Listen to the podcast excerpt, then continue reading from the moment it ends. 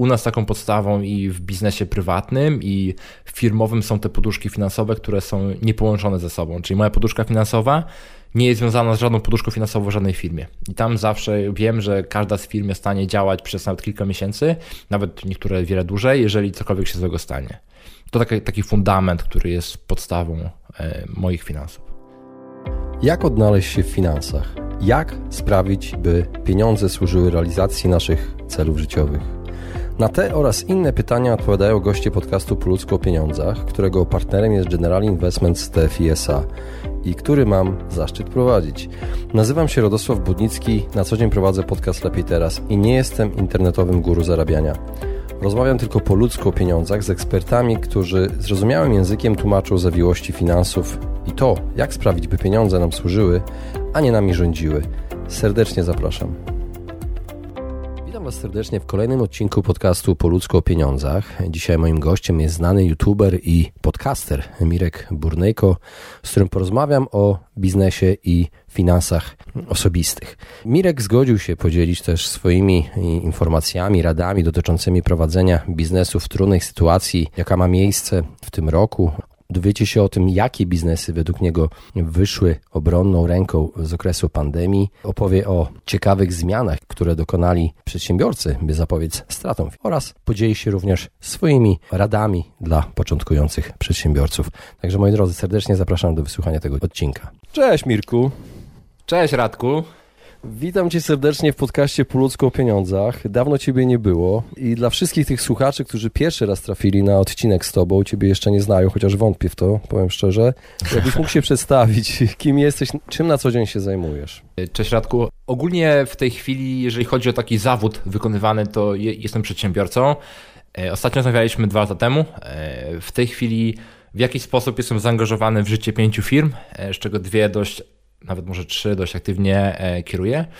E, są to firmy z zakresu, e, pierwsza jest edukacja slash technologia, druga w tej chwili nowa długowieczność, jest marketing, jest firma IT i jest też nawet firma zajmująca się księgowością, więc uważam się za takiego przedsiębiorcę, przedsiębiorcę, który próbuje różnych biznesów i biznes rozumie jako coś, co kreuje jakąś wartość i niekoniecznie to musi być w jednej branży, więc tym się zajmuję głównie w tej chwili. Biznesowo. Mirku, znasz pojęcie esencjalizm, bo pięć firm. Tak, ale widzisz, bo każda jest wynikiem jakiegoś, jakiegoś, jakiegoś zdarzenia, wiesz, bo załóżmy od samego początku, gdy miałem pierwszą firmę, pomagał mi taki Grzegorz. I okazało się, że wiesz, pomaga mi w drugiej firmie, w trzeciej, czwartej i w każdej y, dostarczał usługi księgowe. Robi to ekstremalnie dobrze. I w chwili, gdy się okazało, że kurczę, przecież to te pieniądze A mogą zostać tu w ramach naszych działalności, a B możemy też rozszerzyć to operacyjnie, więc postanowiliśmy założyć e, spółkę księgową, której ja jestem udziałowcem, a nawet nie jestem w zarządzie tej firmy, ale wiesz, dzięki temu też mamy większą możliwość dotarcia do nowych klientów, czyli każdy z tych pięciu podmiotów jest praktycznie jakimś następstwem potrzeby rynku, po prostu. A powiedz, jakie pierwsze skutki tej pandemii odczuły e, Twoje biznesy? Bo, czasy się trochę zmieniły, w tym roku wiele rzeczy się wydarzyło, dlatego mam takie pytanie.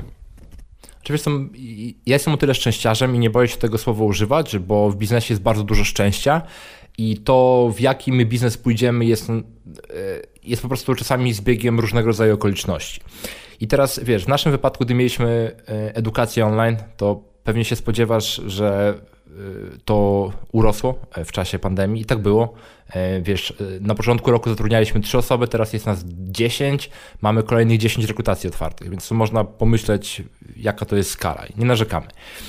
E, więc w temacie edukacji było super. Firma IT, która też zajmuje się taką specyficzną rzeczą wynoszenia usług do chmury, znaczy ja już tam nie pracuję, ale dalej jestem udziałowcem, no też miała dobry czas, bo firmy chciały oszczędzać w jakikolwiek sposób i to była jedna z opcji. Firmy księgowe zawsze sobie radzą, tutaj nie ma tematu, marketing też sobie radzi. No i nowa firma zajmująca się kwestiami dookoła zdrowia, no to jest nowy projekt, więc też tutaj jeszcze za dużo nie zarabiamy, ale dopiero ta firma powstaje. Więc jak widzisz, miałem też szczęście, że nie mam żadnego biznesu takiego stricte wymagającego, na przykład, nie wiem, jak restauracje, czy innego rodzaju e, firmy usługowe, które potrzebują lokum.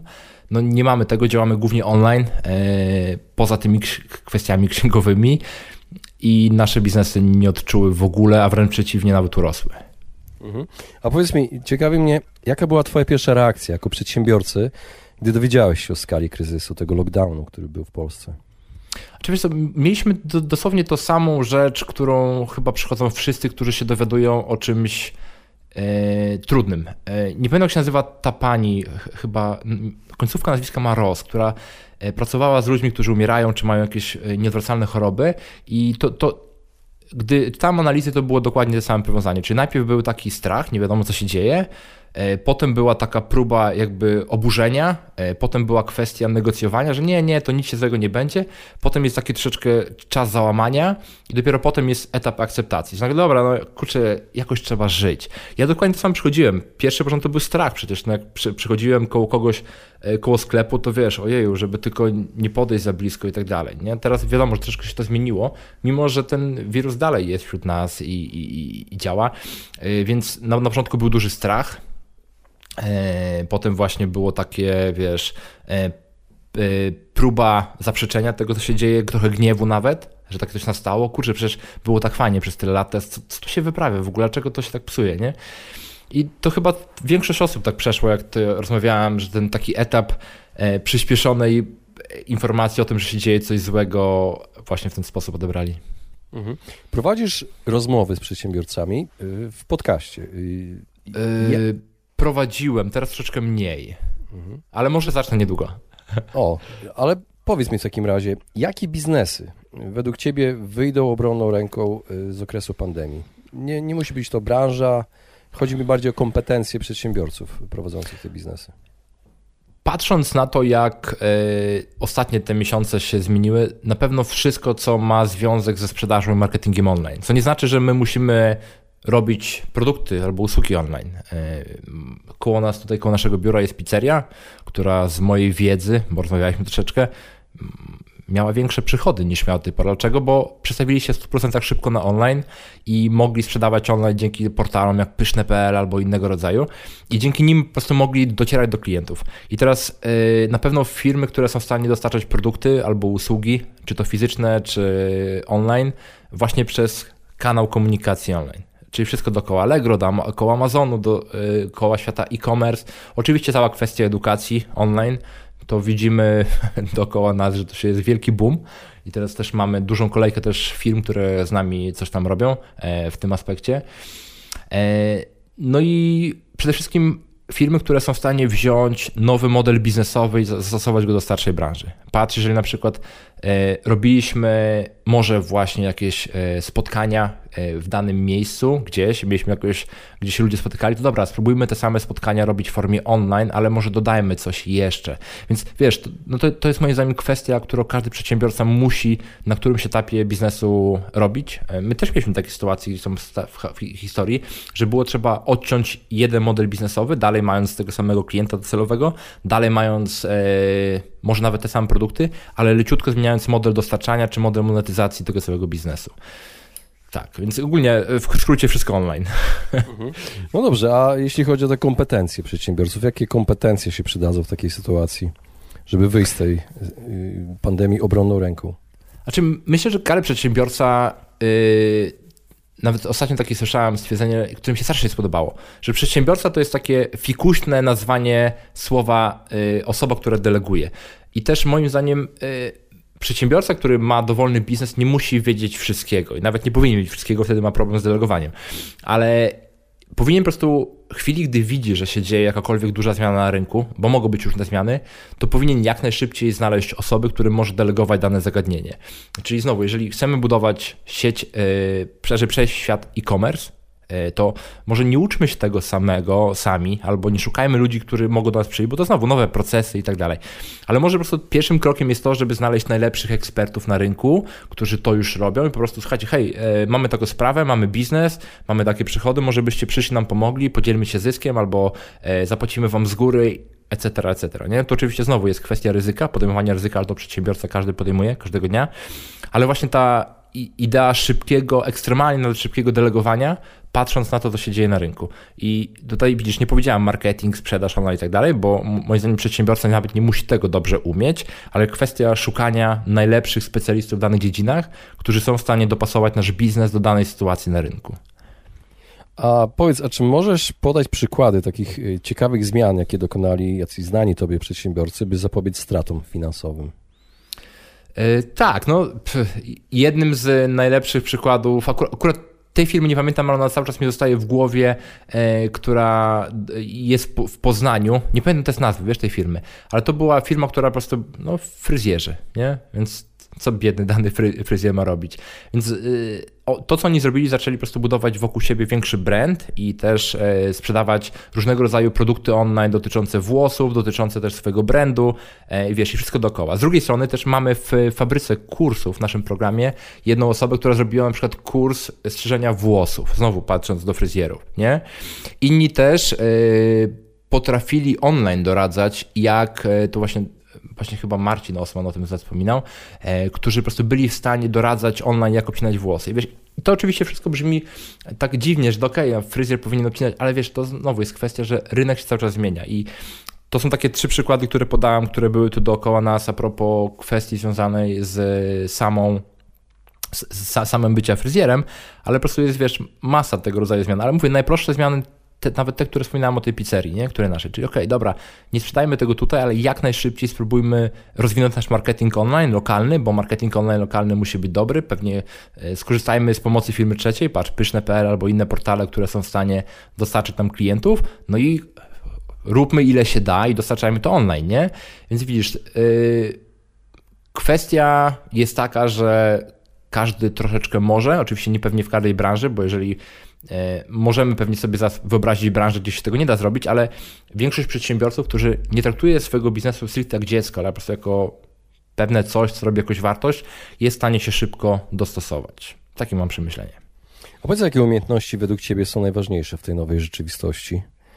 Mm, nie tylko przedsiębiorców w ogóle, pracowników y, też.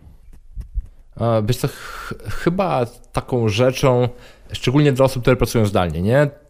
Bo my od początku działania naszej firmy mamy pracę zdalną i synchroniczną, więc troszeczkę szybciej mogłem obserwować pewne rzeczy i teraz ta zmiana nas nie była wielką rzeczą, ale kwestia zarządzania sobą i swoim czasem chwili, gdy pracujemy załóżmy z domu, bo nie, nie wszyscy mają szczęście tak jak ja teraz, że wiesz, y, mam sobie, siedzę teraz w biurze i z tobą rozmawiam, nie?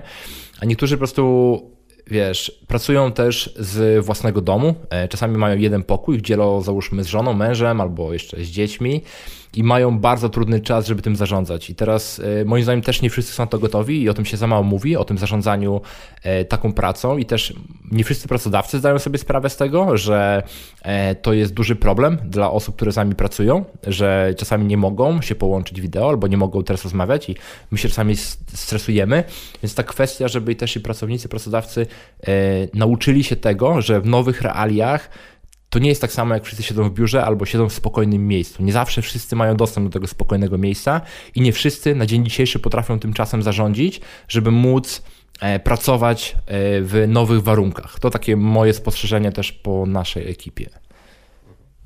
A powiedz mi, e, teraz chciałbym przejść trochę do finansów, wiesz? A to, to ja nie, nie, nie mam, nie mam żadnych.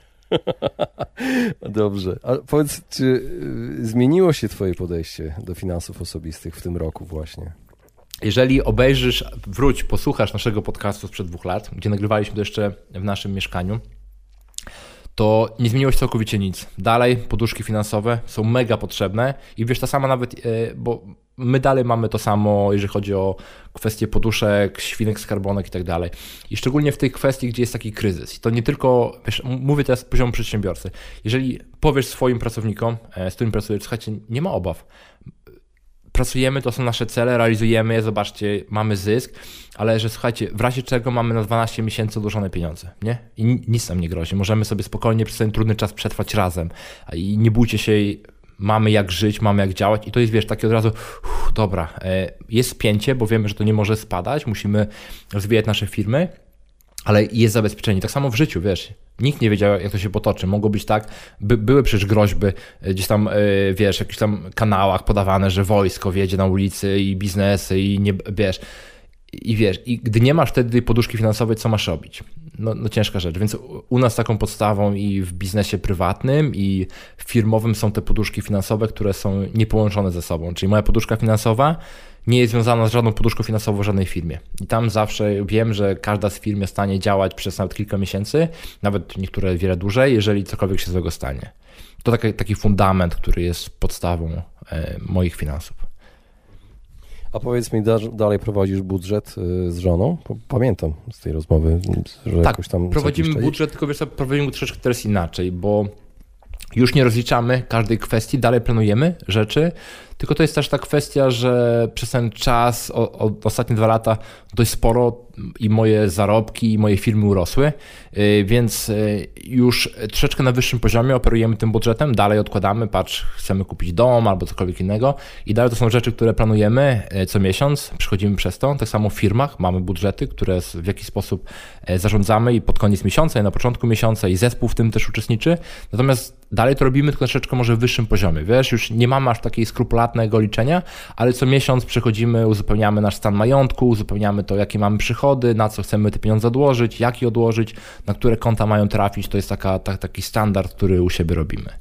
A rzeczywiście, to robicie tak, że co miesiąc e, siadasz sobie z żoną, z jakimś tam e, notatnikiem i to robicie, tak? Tak, tak a czy nie tym notatnikiem, mamy Google Sheets do tego, tak samo w firmie, wiesz, ogólnie ostatni dzień miesiąca to jest praktycznie rozliczenia naszych partnerów, e, podsumowanie miesiąca, sprawdzenie cashflow, sprawdzenie celów, sprawdzenie budżetu, sprawdzenie wydatków, wiesz, i tak zawsze dochodzimy do tego samego w firmie, że ok, co byśmy nie optymalizowali, to i tak większość wydatków, znaczy wydatków to jest inwestycja, ale i z kategorii wydatki to są oczywiście e, koszty ludzkie, czyli nasi pracownicy, ale wiesz, to są ważne kwoty. E, natomiast zawsze przechodzimy przez te wszystkie elementy pod koniec miesiąca i potem jeszcze pierwszy dzień miesiąca jest taki jakbym startem nowego okresu. A powiedz, jakie ruchy związane z finansami wykonałeś? Znaczy, jak inwestujesz konkretnie? Nie wiem, kupno walut, złoto, skarpeta, jak, co, co, co robisz? Wiesz co, akurat w inwestycjach mi idzie najgorzej, nie? Jeżeli chodzi o te kwestie. I teraz też e, do Akademii dołączył e, Michał Trendowski, który nawet stworzył Akademię Finansów, czy Szkołę Finansów, gdzie to też trochę egoistycznie to zrobiliśmy, bo ja też nie wiedziałem jak inwestować, nie i w co. Natomiast ja bardzo dużą ilość pieniędzy, którą mam, nie wypłacam z firm, ale je inwestuję w firmy. To, to jest może troszeczkę riski, natomiast e, jest troszeczkę też więcej tych podmiotów, więc troszeczkę jest mniejsze ryzyko, że coś pójdzie nie tak i bardzo dużo tych pieniędzy inwestujemy w filmy. Pod tym względem, że załóżmy, jeżeli patrzymy, że mamy nadwyżki finansowe za dużo zysku, co może być mieć dziwnie dla osób, które to słuchają czasami, to myślimy, dobra, co możemy zrobić? Może kogoś zatrudnić, może jakieś nowe partnerstwo, może nowy kanał marketingu, żeby po prostu te filmy się rozwijały, bo teraz mamy dobry czas, mamy fajny zespół i się rozwija. Prywatne finanse w tej chwili nie są zbyt mądrze e, inwestowane, bardziej odkładamy na e, konta oszczędnościowe, plus czasami kupimy coś takiego na eksperymentalną inwestycję, patrz, jakiś zegarek, bo zegarki też nie, nie wszystkie tracą na wartości, a niektóre nawet rosną, nawet taki jeden, co mam teraz na ręce, e, ale nie mamy jakichś takich, wiesz, na zasadzie nie inwestuję w akcje, w ogóle na giełdzie mnie nie ma, Mamy trochę funduszy inwestycyjnych, ale to mówię żadnego rocket science. A, no kupiłem ostatnio mieszkanie na wynajem. E, to jeszcze chyba po naszej rozmowie tamtej. E, tak, i to tyle w sumie. Jak widzisz, bez rewelacji. Mhm. Czy komuś wynajmujesz po prostu, nie dla siebie, że nazywasz to inwestycją, jak wiele osób. Nie, nie, nie, nie, nie, nie, nie, nie. To jest nawet na takiej zasadzie, to jest naprawdę 99% e, dochód pasywny e, z tego poziomu, że mamy firmę, się nazywa Gedeus, e, która w 100% zarządza tym. Naszą rolą jest wysłanie faktury i oni ją opłacają raz w miesiącu. I to jest tyle, ile my wiemy o tym mieszkaniu. Tam czasami wysyłają raporty, co się dzieje, natomiast mamy w 100% delegowane zarządzanie, poszukiwanie najemców na okres chyba 5 albo 7 lat, nie pamiętam już. A powiedz, y, czy możesz już spokojnie powiedzieć, że jesteś na etapie, że pieniądze pracują już dla ciebie? Yy, powiem Ci tak, bo właśnie dzisiaj nawet miałem taką rozmowę. Yy, w tej chwili, gdybyśmy chcieli, to moglibyśmy teraz tak ułożyć e, te wszystkie procesy, które działają u nas w firmach, e, tylko one by wymagały tego, że byłoby trzeba troszeczkę zmniejszyć zespół i parę innych rzeczy, że w sumie pracując te takie te przysłowiowe, jak to w tej książce 4 godziny tygodniowo, można byłoby spokojnie żyć pewnie do końca życia, nie?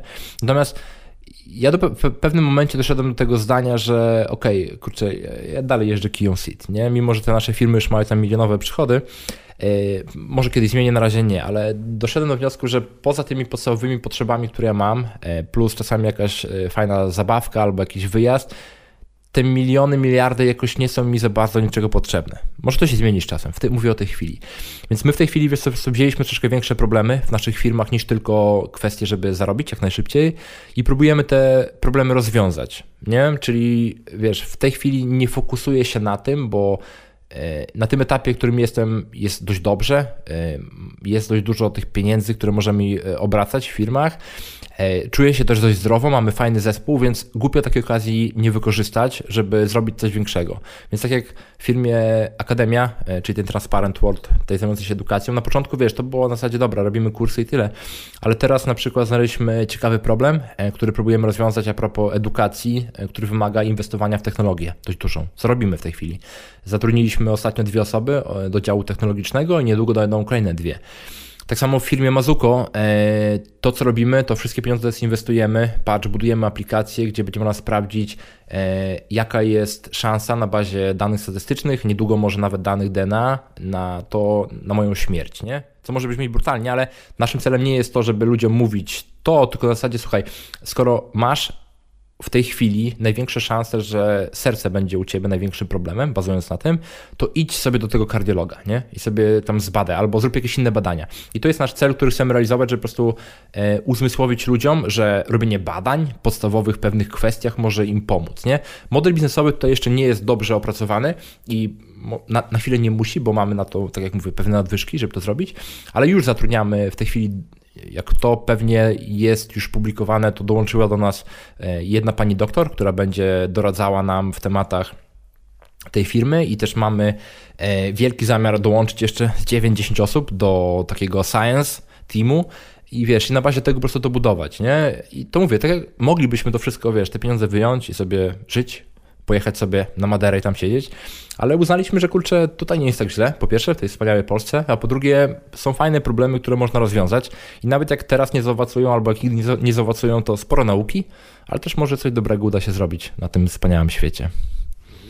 Mirko, ja znam Twoją historię, tą osobistą historię. Y, ten moment, kiedy wyjechałeś za granicę, było kiepsko, Wróciłeś, tak, tak. Y, jak mówiłeś sam, z trochę z podwiniętym ogonem do Polski. Tak, stare dobre I, czasy. No właśnie, i zrobiłeś ogromny skok. I takie pytanie, w sumie znałem się, jak odpowiesz krótko. Od czego zależy sukces finansowy? Od czego zależy sukces finansowy? Ale to zadam pytanie, żeby y, uprościć. Prywatny czy firmowy? Niewątpliwie osiągnąłeś sukces finansowy. A czyli no, wszystko zależy. Co, co, co, co takiego jest... zrobiłeś? Co takiego zrobiłeś w głowie? Co, co, co, co zmieniłeś w głowie od tamtego momentu, kiedy spakowałeś ten samochód do teraz? Co takiego zrobiłeś? Znaczy, co, gdy wtedy wyjechałem do Włoch po stronie pracy w Generali, to praktycznie nie miałem wiedzy, jak się robi biznes. Nie? To była ważna kwestia. Mniej więcej wiedziałem, że się pracuje na etacie i co robić, żeby co mieć nowe pieniądze, ale nigdy nie miałem doświadczenia, co robić i też wiedzy, jak to robić. I to było takie, wiesz, szukanie, próbowanie różnych rzeczy.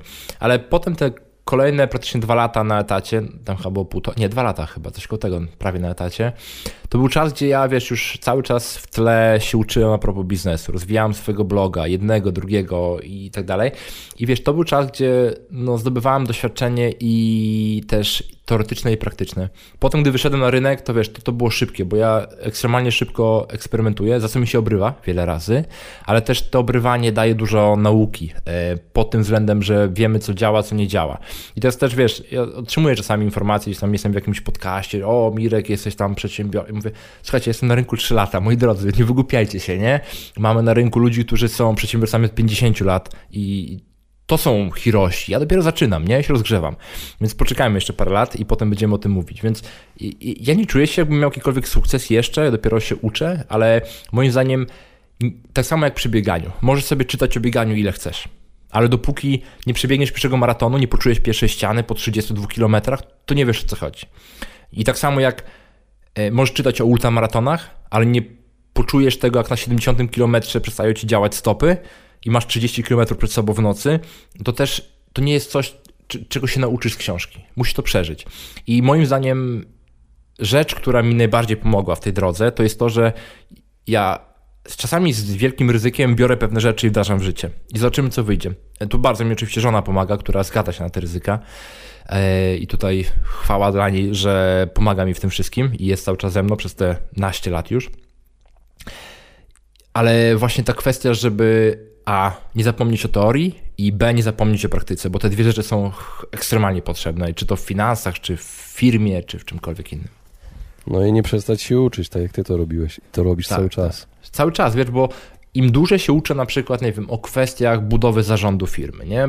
Coś, czego nikt się z nas nie uczy, ale gdy zaczynasz budować pierwszy zarząd drugiej firmie, to nagle się uczysz, dobra, ale czy powinniśmy ograniczać czas życia zarządu do 10 lat, czy więcej? No dobra, no to zobaczmy. I wchodzisz, e, wiesz, w scenariusze różnych firm, czytasz i pojawiają ci się setki innych pytań, nie? I to jest ta kwestia, że po prostu, za, wiesz, ja też gdy zaczynałem, myślałem, że wiem wszystko, nie? Ale dostałem parę razy liścia w twarz i zacząłem, że okej, okay, ja nic nie wiem. I im dłużej się uczę tego biznesu, tym widzę, jak ja mało wiem, nie? I to jest myślę, że wspaniałe, żeby też dawać sobie znać o tym, że i w finansach, i w biznesie nie da się wszystkiego nauczyć, przede wszystkim w tak szybko zmieniającym się świecie.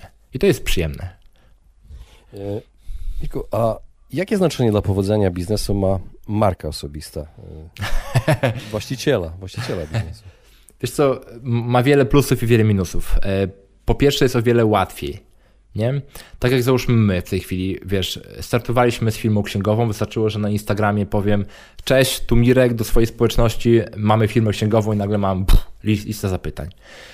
Marka osobista jest dodatkowym elementem też i marketingu, i wiarygodności, czyli załóżmy, jeżeli masz jeden biznes i o nim otwarcie mówisz, pokazujesz, co go robisz, to nieważne, co otwierasz, znajdą się ludzie, którym, który po prostu powiesz, słuchajcie, otwieram nowy biznes, znacie mnie, wiecie, kim jestem, jakie wartości uznaję, widzicie mnie na co dzień przez ileś lat, wiecie, co robię, jak robię i jest po prostu łatwiej. Nowe źródło marketingu, dotarcia do ludzi, budowania zaufania.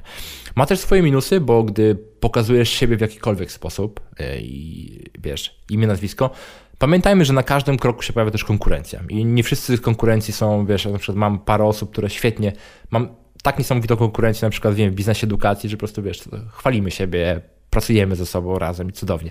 Ale w niektórych biznesach po prostu jest gorzej, nie? I dochodzi do bardzo czasami brutalnych, y, trudnych sytuacji. E, wiesz, na przykład, nie wiem, miałem kiedyś sytuację, gdzie e, nie mam dokładnie dowodu, że to ta osoba, ale mam duże podejrzenie z racji jakiejś komunikacji, że wiesz, dana osoba wykorzystała zdjęcie mojej córki na pewnym portalu. Nie, nie, nie będę już tym może rozwijał, ale wiesz, gdy nie pokazujesz tego, nie, to nikt tego nie zaatakuje. Gdy pokazujesz to, jest to łatwo zaatakować.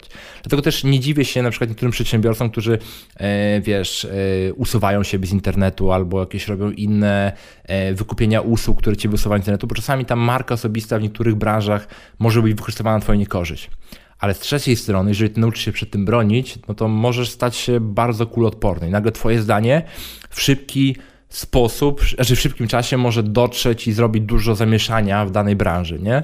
Wiesz, dam ci przykład. O, ostatnio zrobiliśmy wpis a propos tego, jak nasza firma się rozwija. I po to zrobiłem swojego prywatnego profilu, nie? Ten wpis w tej chwili ma 500 tysięcy wyświetleń na LinkedInie, chyba z 6 tysięcy jakichś tam reakcji i setki komentarzy. Plus przewinął się przez wiele firm wewnętrznie, ludzie mi o tym piszą i są dyskusje w internecie. I wiesz, jeżeli budujesz swoją markę, w dzisiejszych czasach jest bardzo szybko zrobić zamieszanie, jeżeli zrobimy to dobrze, a jeżeli zrobimy to bardzo dobrze, to jeszcze możemy na tym zyskać i mało stracić. Ale musimy zawsze mieć, pamiętać o tej ciemnej stronie, że inni mogą widzieć to, co robimy i mogą to wykorzystać do swoich celów. Mirku, zbliżamy się do końca. Na koniec mam ostatnie pytanie. Czy mógłbyś wymienić takich y, pięć na przykład najważniejszych wskazówek dla początkującego przedsiębiorcy? Bo ty mówisz, że jesteś początkujący, nie jesteś aż tak początkujący, ale takiego naprawdę początkującego przedsiębiorcy. Tak Dobrze. Y, takie szybkie rady. Y, każda praktycznie z moich firm y, zaczynała się od osoby, która była asystentem. I to jest moim zdaniem najważniejsza rzecz, żeby jeżeli chcemy być przedsiębiorcą, musimy się nauczyć jak najszybciej delegować. Nie ma lepszej opcji niż zatrudnienie asystenta albo asystentki i delegowanie mu albo jej pewnych swoich zadań, których nawet nie lubimy robić. Naprawdę nie było większego skoku w żadnej z firmach, gdy jestem sam, nagle dołącza druga osoba, która zdejmuje ze mnie pewne rzeczy, których ja nie lubię robić albo nie umiem. W tej chwili zatrudnienie asystenta, asystentki to jest koszt od 1000 do 20 tysięcy złotych. W zależności jak zaawansowana jest ta osoba, ale można sobie na kilka godzin tygodniowo wynająć taką osobę, która po prostu będzie pomagała w prostych taskach. Wysłanie mail, zarządzanie grupą, e, kalendarzem, umawianie spotkań, pisanie ofert, etc. I to jest pierwsza rzecz, którą warto rozważyć, gdy mamy już firmę, która zarabia cokolwiek. Rzecz druga to zawsze klient jest na początku. I tutaj Ile razy nie rozmawiam z przedsiębiorcami, którzy tu przychodzą do nas, a pojawiają się naprawdę ciekawe tu osoby i ostatnio się aktorzy pojawiają i profesorowie w naszej firmie i zawsze jest ta rozmowa, o ja, ja, ja wiem jak coś zrobić. Ja mówię, nie, super, raczej super, że wiesz, ale nie zrobimy tego jak chcesz. Dowiedzmy się, kim jest nasz klient idealny, rozmawiajmy z nim i słuchajmy jego potrzeb. Biznes jest rozwiązywaniem problemów danej grupy docelowej. Nawet jak dostarczamy sprzęt do wojskowy do załóżmy e, rządu jakiegoś, to i tak rozwiązujemy czyjś problem po drodze e, w jakikolwiek sposób, nie? I o to chodzi, że my zawsze musimy określić, kim jest nasz klient i dostarczać te rzeczy jak, jak najlepiej i ewentualnie tam dodawać innowacje, więc pomysł swój oddalić troszeczkę na później, być bliżej z klientami. To do dziś nam robi cuda i działa cudownie. To była dwójka. Trójka. To to, co mówiłem też, jak rozmawialiśmy Radek troszeczkę wcześniej, czyli kwestia mierzenia pewnych rzeczy.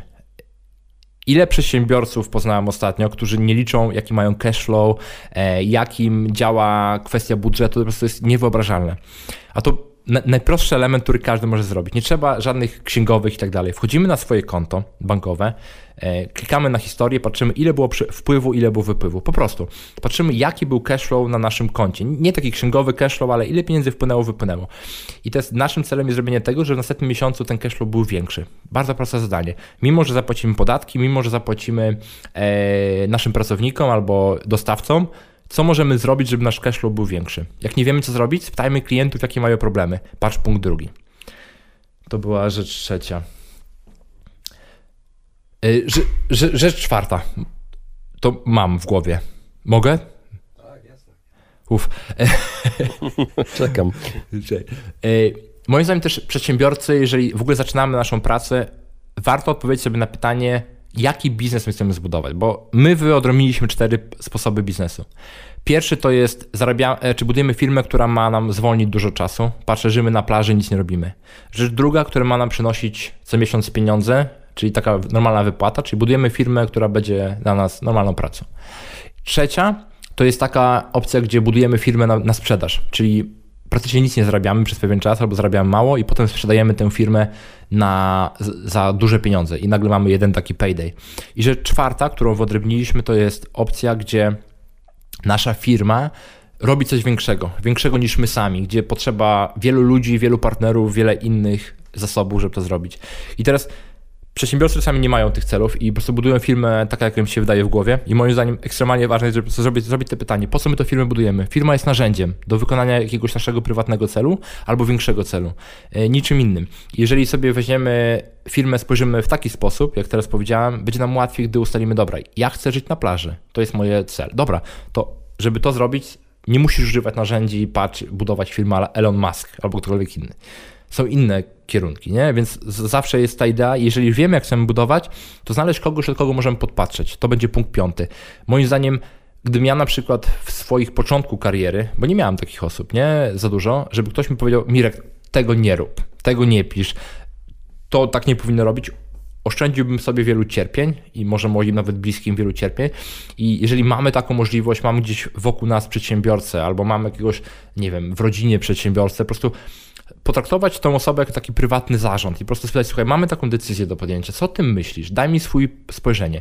I zawsze decyzja będzie u nas, yy, ale zawsze, żeby posłuchać decyzji innych osób, bo inni czasami mają ciekawe spojrzenia. My podejmiemy tę decyzję, ale jeżeli mamy możliwość, to taki e, mentor, e, czy ktoś bliski, czy ktoś taki doradca biznesowy, e, który byłby w stanie nam za darmo, czyli nawet nie za darmo pomóc, to jest bardzo wielka e, opcja, którą ja na początku swojej kariery bym dał wiele, żeby mieć. W tej chwili troszeczkę łatwiej, bo mam dużo znajomych przedsiębiorców i nawet teraz miałem jakąś taką dużą decyzję do podjęcia, to prawie 10 osób ta decyzja e, poruszyła, żeby je dobrze podjąć, ale to jest właśnie ta wiesz, rzecz, że na początku nie mamy dostępu do tych przedsiębiorców i jeżeli mamy szansę, poszukajmy takich gdziekolwiek. No tak, feedback po to, żeby się nie zakochiwać we własnych pomysłach po prostu. Si, si. Mirku, bardzo Ci dziękuję za rozmowę. Radku, również Ci bardzo dziękuję za rozmowę i powodzenia w Mońkach. dziękuję, cześć. Cześć. Właśnie wysłuchaliście podcastu Po ludzku o pieniądzach. Mam nadzieję, że Wam się podobało. Jeśli tak, poświęćcie swój czas, proszę pozostawić swoją recenzję na Apple Podcast. Jeżeli macie pytania lub propozycje dotyczące kolejnych audycji, piszcie do mnie na fanpage'u Po ludzku o pieniądzach i do usłyszenia następnym razem. Pozdrawiam serdecznie.